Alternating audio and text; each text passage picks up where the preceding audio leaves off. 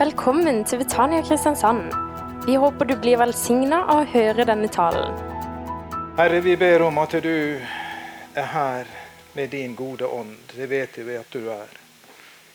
Vi ber at du åpner bokens ord for oss, slik at vi virkelig opplever at det, det er det levende brød som er kommet ned fra himmelen vi kan spise av.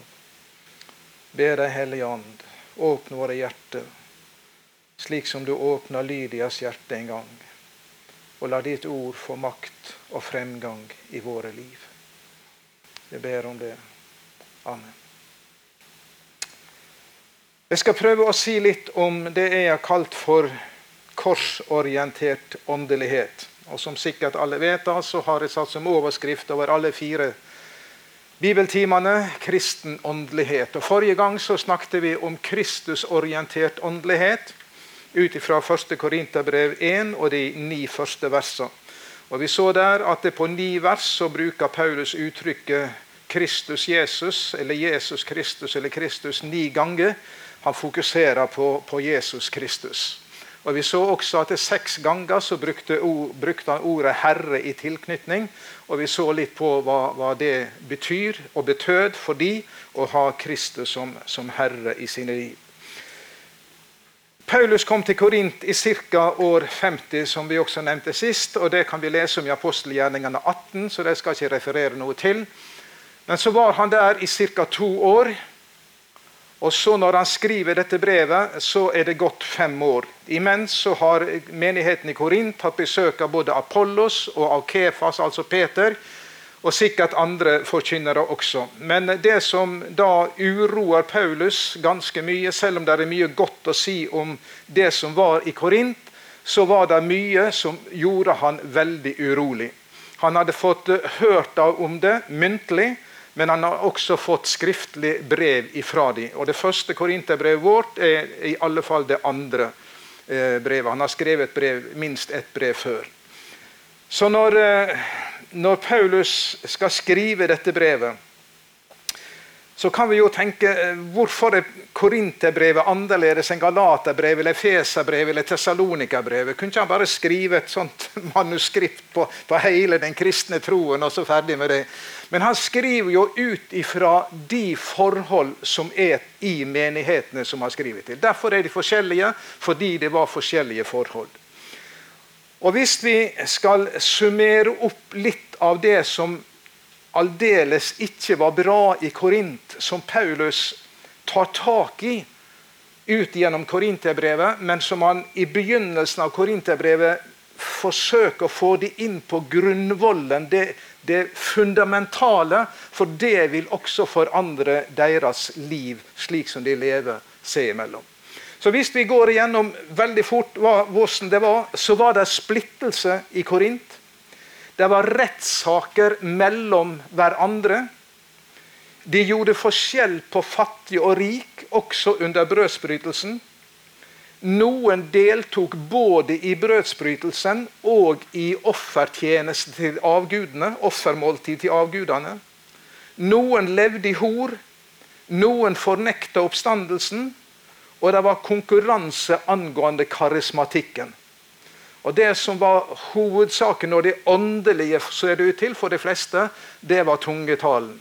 Og Så satte de da nådegavene og karismatikken opp imot hverandre. Og så, ikke minst, og det skal vi snakke litt om i, i, i dag, da, så var der i Korint visdomslærere, greske filosofiske visdomslærere og visdom det ser vi når vi leser gjennom Korintiabrevet, at det sto veldig høyt hos korinterne. Og Det var da visdomslærere som lærte en form for visdom for å få kontakt med gudene og få gudenes gunst. Og Mye av det, det gikk på det som kalles for gnostisisme.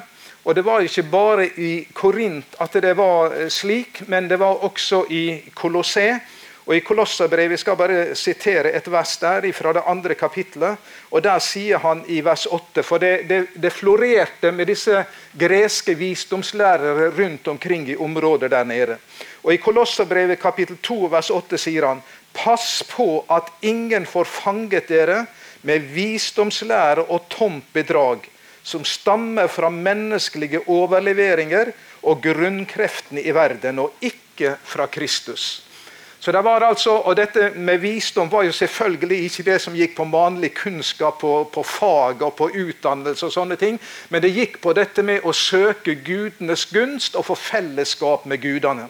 Og Det betød veldig mye for uh, hele liksom, området der og det romerske systemet at de hadde gudenes gunst. Og Derfor så var det også så mange templer i Korint som vi nevnte sist. Det var regna fall at det var tolv avgudstempler.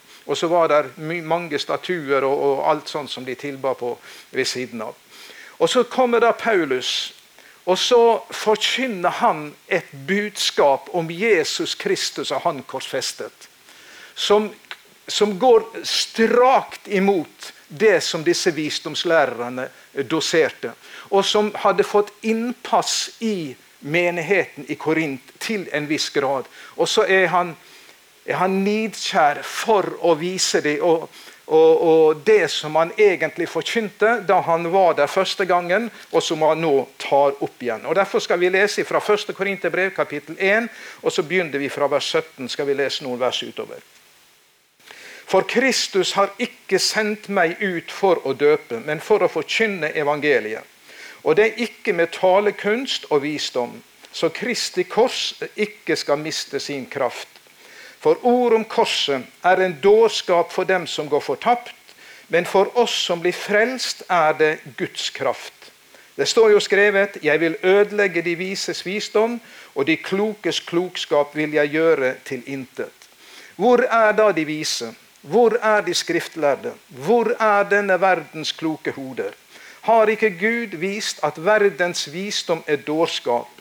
For da verden ikke brukte visdommen til å kjenne Gud i hans visdom, besluttet Gud å frelse den som tror, ved den dårskapen vi forkynner. For jøder spør etter tegn, grekere søker visdom, men vi forkynner en korsfestet Kristus. Han er en snublestein for jøder og dårskap for hedninger. Men for dem som er kalt, både jøder og grekere, er Kristus, Guds kraft og Guds visdom. For Guds dårskap er visere enn menneskene, og Guds svakhet er sterkere enn menneskene. Så her viser altså Paulus hvordan evangeliet om Jesus Kristus og Han korsfestet er den eneste veien til å få fellesskap med Gud og til å få kontakt med himmelens og jordens skaper og få hans gunst, om vi skal si det sånn. Hans velbehag over våre liv. Og Disse visdomslærerne da, som vi leste her, de regner jo det for dårskap. Hedningene et dårskap. Det at en, en jøde, en enkel tømmermannssønn, som levde i fattigdom og hadde noen disipler rundt seg, og han ble da korsfesta i nedverdigelse. Hang han på et kors og ble spotta av de som var rundt der. Og så forkynner Paulus at denne personen er det som setter oss i forbindelse med den ene sanne Gud. Det var fordi en fullstendig dårskap. Og det opplever vi jo i vår tid òg. Det er jo ikke verre. det er jo sånn at Når mange mennesker møter evangeliet om Jesus Kristus og han korsfestet, så er det, det er nonsens. Det er nonsens. Og det her med, med, denne visdommen den var begynt å, å som sagt, snike seg inn i Korint, slik at noen begynte å, å liksom lefle den veien. Det må jo være noen andre måter, det må jo være noe annet som skal til enn det å tro på denne korsfestede. Og Vi eh, møter jo i, i, eh, i vår tid Der er jo andre religioner, hinduisme og buddhisme.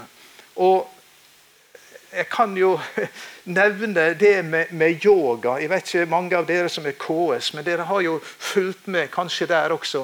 Og hvordan eh, han Andersen har jo gått litt inn i det og viser at mange av disse yogastillingene det er stillinger hvor de tilber forskjellige guder.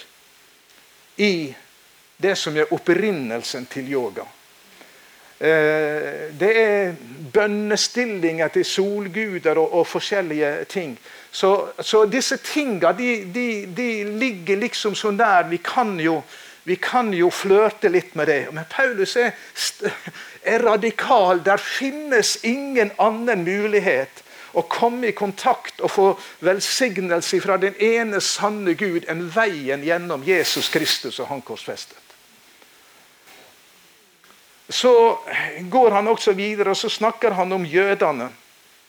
For jødene så er jo det en, en, en snublestein og en dårskap, det som Paulus forkynner. For de venter jo en Messias som kom i kraft. ikke sant? De venter jo på Messias. En som skulle frigjøre dem fra Romerriket, og som virkelig skulle gå fram med kraft. Og så har det jo vært diskutert og snakka mye om Judas Iskariot. ikke sant? Var han en som som levde der, liksom. Det var, det var det, han venta på når det, når det, gjaldt Jesus. At han skulle vise sin makt og sin herlighet og, og med, med, kraft vise at han var Messias. Og For jødene var jo da at denne personen som gikk omkring der nede, og som enda sitt liv på et kors Og Da siterte jo de ifra fra 5. Mosebok også, kapittel 21, vers 22 og 23. For Der står det om en mann som blir dømt til døden og hengt opp. Han er under Guds forbannelse.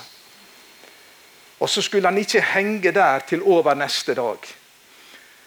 Og så vet vi jo hva, hva Galaterbrevet sier om at han ble en forbannelse. Han kjøpte oss fri fra lovens forbannelse. Men altså, han hang der som og for jødene denne personen er jo under Guds forbannelse. Han kan jo ikke være Messias. Og Det var en anstøtstein, en snublestein for jødene. Men eh, Paulus han, han eh, veik ikke av. Han forkynte med stor frimodighet. Og Så sies det her, som vi leste, jødene spør etter tegn. Så skal vi huske Jesus sitt liv de tre åra han gikk her nede. Hva, hva, var det han ble møtt med igjen og igjen? Da han rensa tempelet, hva skjedde etterpå der? Jo, da kom jødene og sa Hva tegn gjør du som gir deg rett til å gjøre det her? Og når han var frista av djevelen ute i ørkenen, hva sier djevelen da? Se her, gjør disse steinene til brød. Vis hvem du er. Vis makten din! Du kan jo forandre steinene til brød. Og Jesus viste ham bort. Så tar jo djevelen med han opp på tempelmuren. ikke sant? Og så han kaste utfor. Kaste utfor. Du er Messias. Når jødene i tempelet ser du komme ned fra tempelmuren, det står jo skrevet han skal bevare dine føtter, så ikke du skal støte eh, det på noen steiner. Det står jo skrevet. Altså Han var hele tida frista til å bruke makt. Og vise gjennom makt hvem han var. Getsemane. Så sier han til eh, Peter og de andre vet dere ikke, Jeg kunne be far om å sende en legion med engler. Men han avsto fra det. Han hang på korset. Hva var det de ropte til han? Stig ned! Det skal vi tro. Stig ned. Vis makten din. Gi et tegn. Vis hvem du virkelig er. Så skal vi tro. Men hva var det Jesus svarte de som krevde tegn igjen og igjen? I Matteus 12, 38 står det en ond og utro slekt krever tegn, men det skal ikke ikke få annet tegn enn Jonategnet. Jesus visste det var gjennom lidelse, gjennom død og oppstandelse, han skulle bringe frelse til folket. Og så er Paulus kompromissløs. Korset eneste vei til frelse og fellesskap med den levende Gud. Og Det var jo det vi leste her i det første kapittelet og det 21. verset. Eh, så sto det For da verden ikke brukte visdommen til å kjenne Gud i hans visdom, besluttet Gud å frelse den som tror, ved den dårskapen vi forkynner. Og Hvis du går til eh, det 15. kapittel i, i 1. Eh, Korintiabrev her, så refererer jo Paulus til det han forkynte når han var i Korint, og som de nå var begynt å bevege seg litt bort ifra. Men som han nå gjentar, vers 1. Jeg kunngjør dere søsken, det evangelium jeg forkynte dere, det dere også tok imot, og det dere står på. Gjennom det blir dere også frelst når dere holder fast på ordet slik jeg forkynte det. Ellers blir det forgjeves at dere kom til tro. For først og fremst overga jeg til dere det jeg selv har tatt imot. At Kristus døde for våre synder etter Skriftene. At han ble begravet, at han stod opp på den tredje dagen etter Skriftene. At han viste seg for Kefas, deretter for de tolv. Deretter viste han seg for mer enn 500 søsken på én gang. Altså Det var budskapet Paulus forkynte med frimodighet. Den eneste veien. Så kan vi spørre, da, bare fire korte ting. Hva viser hva, ja, hva viser Jesus Kristus og Han korsfestet? Det viser oss at Gud elsker oss. Gud viser sin kjærlighet til oss derved at Kristus døde for oss mens vi var syndere. Romerbrevet 5,8. Altså, Jesus på korset forteller meg at jeg er elska av Gud. Kort og godt. Men det er ikke billig. Det var ikke billig for Jesus, det var ikke billig for Faderen. Men det viser han elsker meg. Krusifiks og sånn, det bruker ikke vi så mye. Men, men jeg kjøpte jo en sånn eh, Jesus på korset en gang jeg var i Israel, og henger på kontoret hjemme. Og Når jeg ser på det, så blir, får jeg jo en påminnelse. Olav, du er elska av Gud. Sjøl når jeg føler meg så mislykka som bare det. Jeg er elska av Gud. Korset viser at du er elsket av Gud. På korset soner han min synd. Vi leste det, at Kristus døde for våre synder etter Skriftene. Hvor har jeg gjort av min synd? Hvordan kan jeg glemme min synd? Hvordan kan jeg få oppreisning for mine nederlag?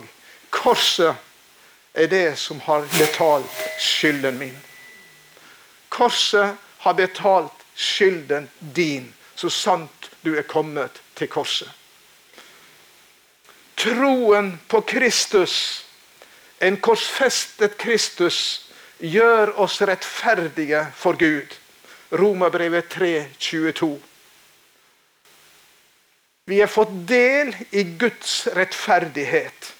Og her er det ingen forskjell, sier Paulus der i Romerbrevet 3, 22. Jeg får lov til å stå. Vi frie venner vi har jo sitert i Skiboles så mange ganger. Han står vel der. gjør han det? Ren og rettferdig og himmelen verdig. I alle fall sorterer vi den overalt. Ren og rettferdig og himmelen verdig. Vi er rettferdiggjort gjennom troen på Jesus Kristus. Ikke gjennom det vi sjøl greier å prestere. Og ved Kristi blod, sier Hebreabrevet 10,19, så har vi frimodighet til å gå inn i helligdommen, som det står. For han er bana en ny og levende vei. Hva er helligdommen? Hva representerer helligdommen? Det aller helligste i tempelet. Det representerer Guds nærvær. Guds bolig. Og så får vi lov til å nærme oss Gud slik som vi er. Men vi er rensa i Kristi blod, rettferdiggjort ved tro.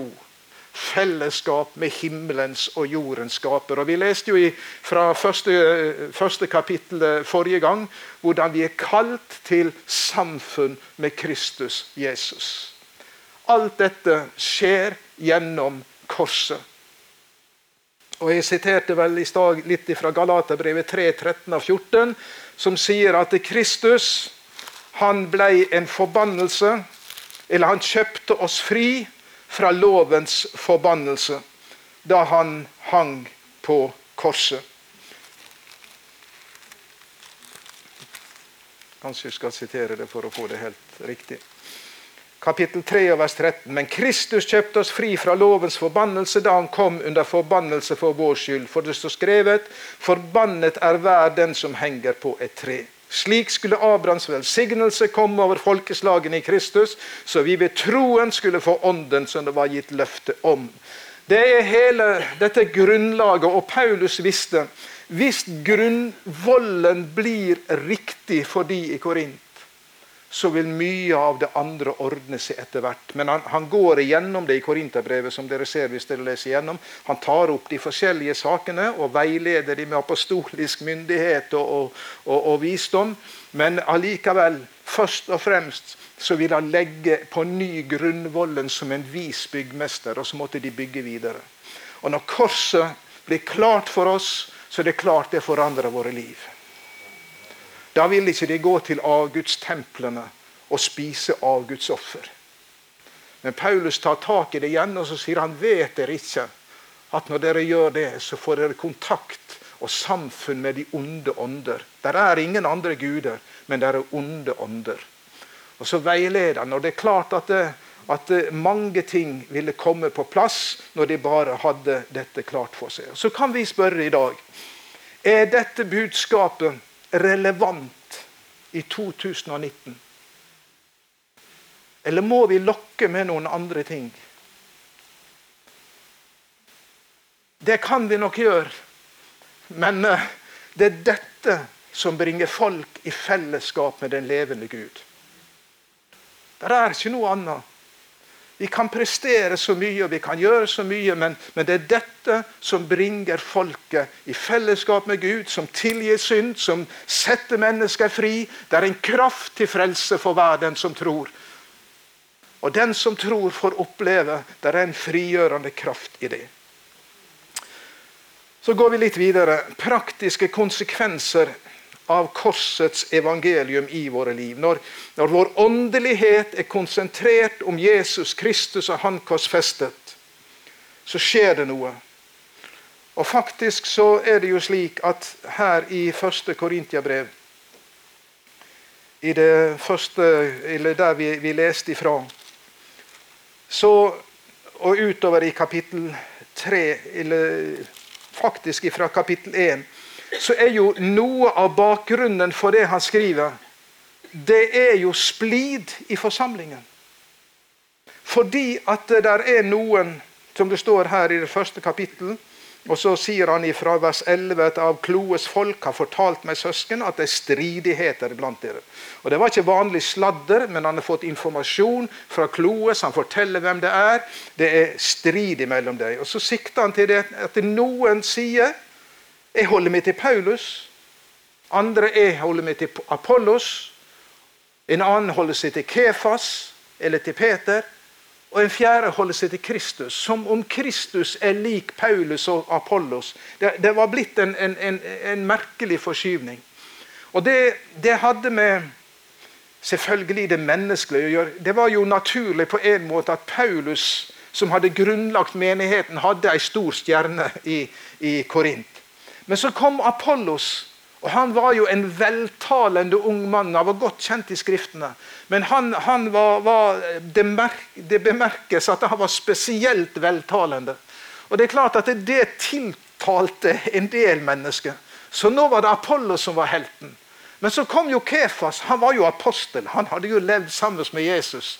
Så det måtte jo være han som var den største av dem. Og så ble det de satte tjenestene opp imot hverandre, og så ble det å fokusere rundt spesielle personer.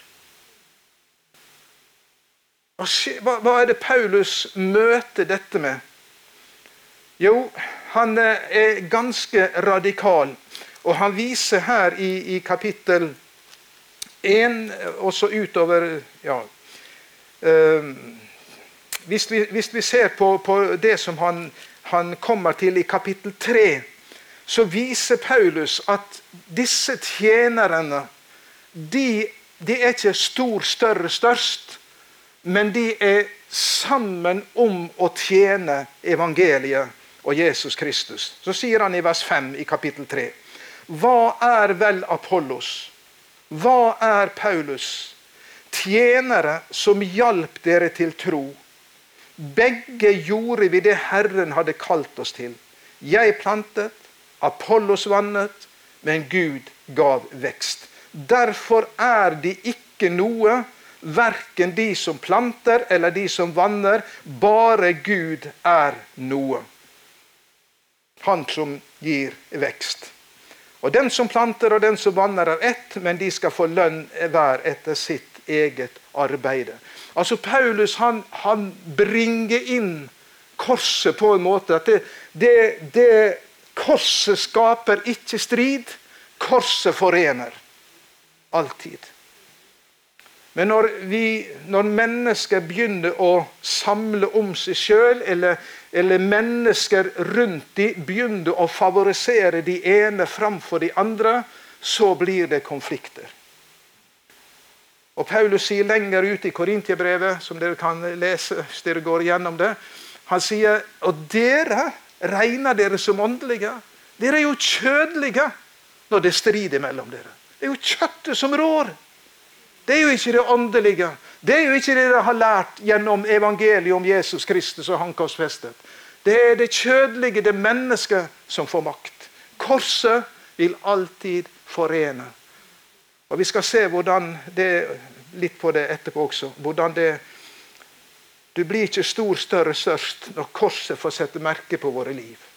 Og Guds menighet, det er en korsmerka forsamling. Det må være det, og det må aldri bli noe annet. Ikke bare ha korset på veggen, det er vi glad for, men en Guds forsamling er merka av et kors. Og det skal også våre liv være. Korset det viser selvfølgelig, når jeg leste her, at bare Gud er noe, han som gir vekst, så må ikke vi tolke dit, det hen slik at ikke vi kan være med å oppmuntre hverandre og gi ros til hverandre.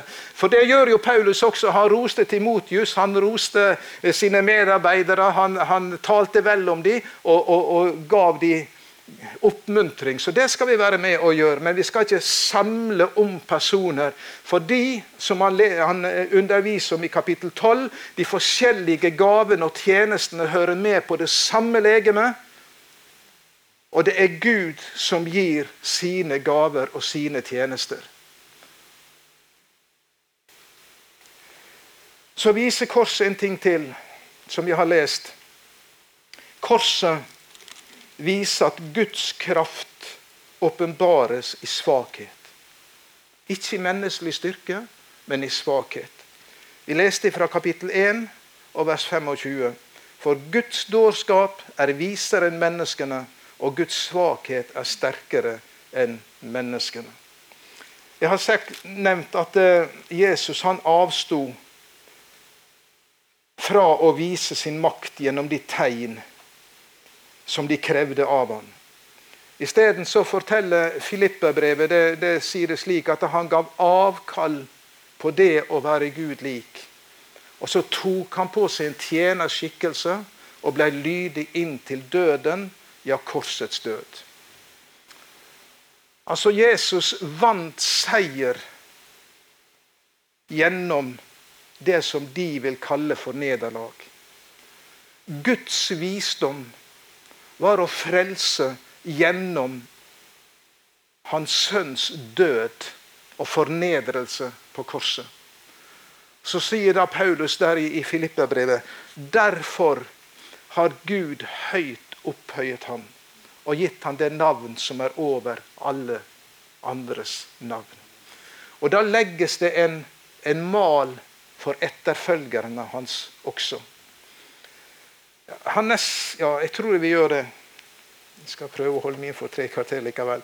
Men, eh, men eh, der er noe Du ser fremtida vår. Fremtiden for verden. Hva er det som skjer Er det Putin som bestemmer den? Er det Trump? Er det den lederen som herjer i Korea, i Nord-Korea? Hvem er det som styrer fremtiden? Jeg har lyst til å ta dere med til Johannes' åpenbaring, kapittel 5. For det, Jeg tror det er godt for oss når vi lever i den forvirrede verden som vi gjør. Og vi kan undres over hva er det som skjer. Hvordan skal det bli? Og Her i kapittel 5 så er jo i kapittel 4 så får jo Johannes bud om at han kan stige opp, og skal han få en åpenbaring, og han ser inn i himmelen.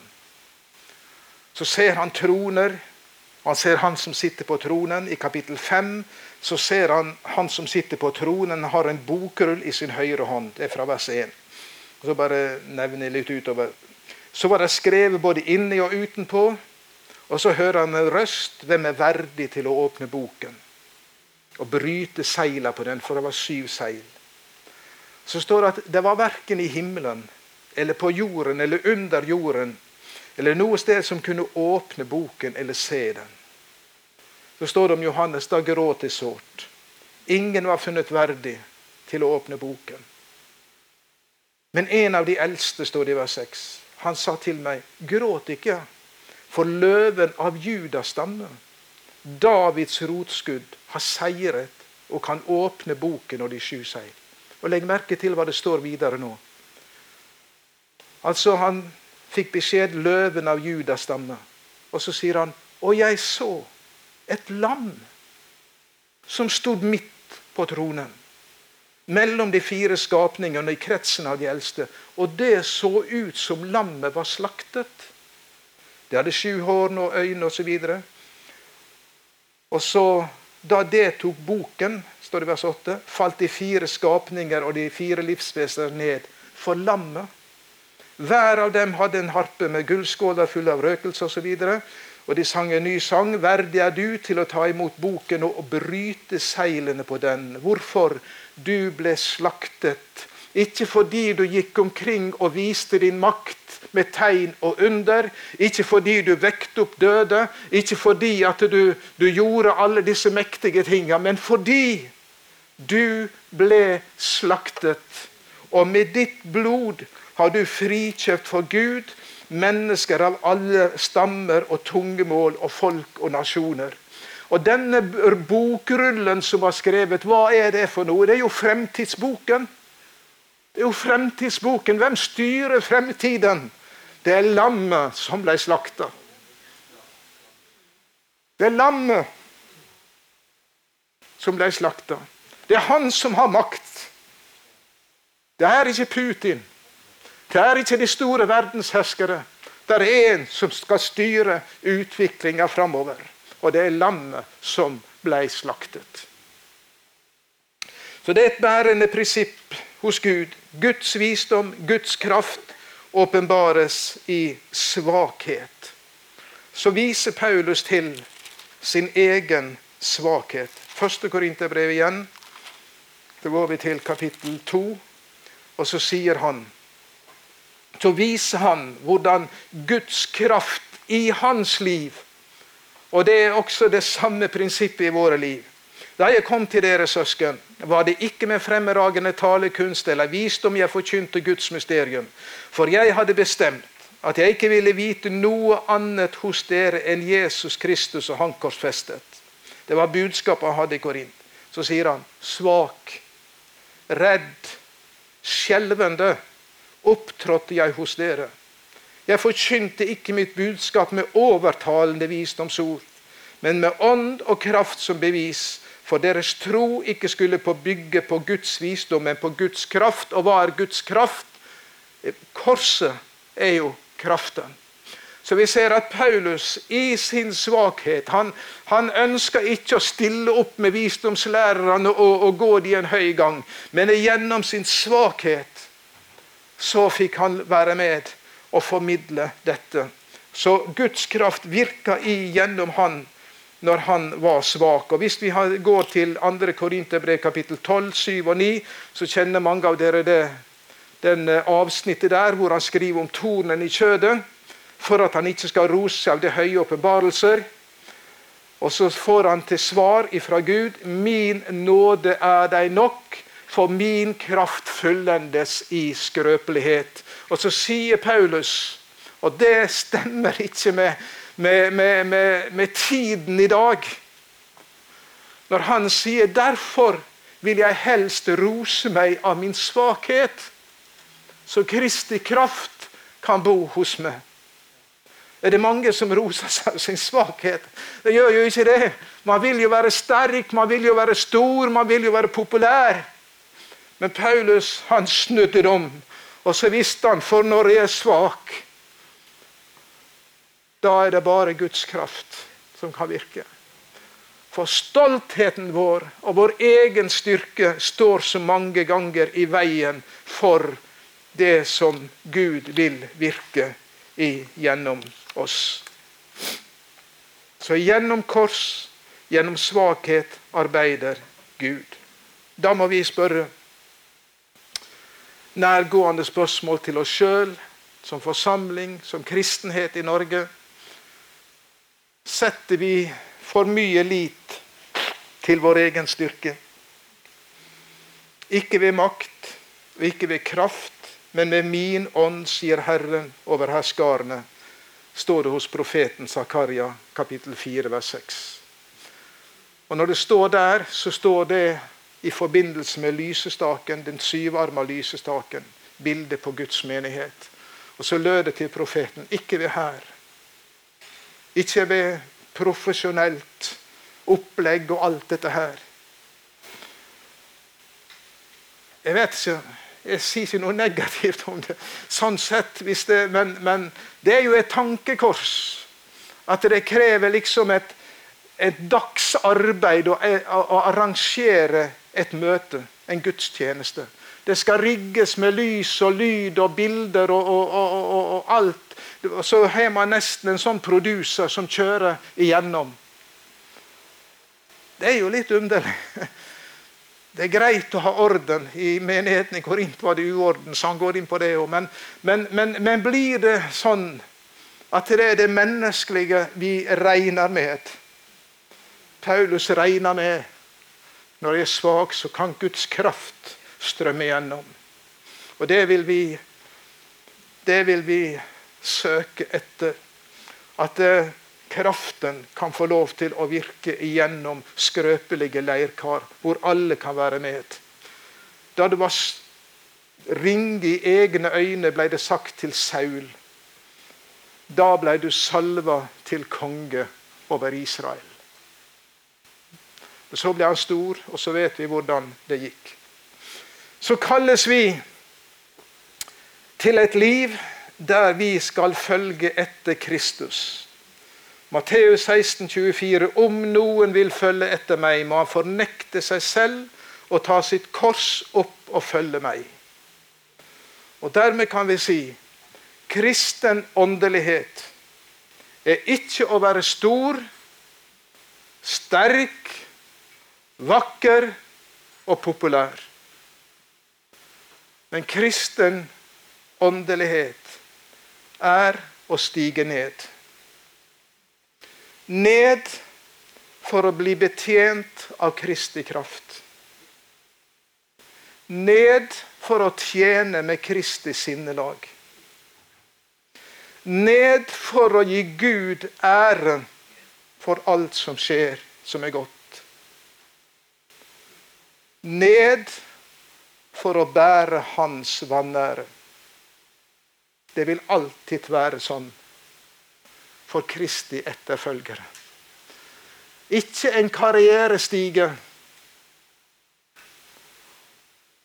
men stigen går nedover. Så sies det i Johannes' åpenbaring Vi har lest om lammet. Så så han en skare så spør han hvem er de? Det er de som følger lammet der de går. Det er de som følger lammet der lammet går. Hvetekornets lov slutter vi med. Johannes 12, 24. Sannelig, sannelig, jeg sier dere. Hvis ikke hvetekornet faller i jorden og dør, blir det bare det ene kornet. Men hvis det dør, bærer det mye frukt. Amen.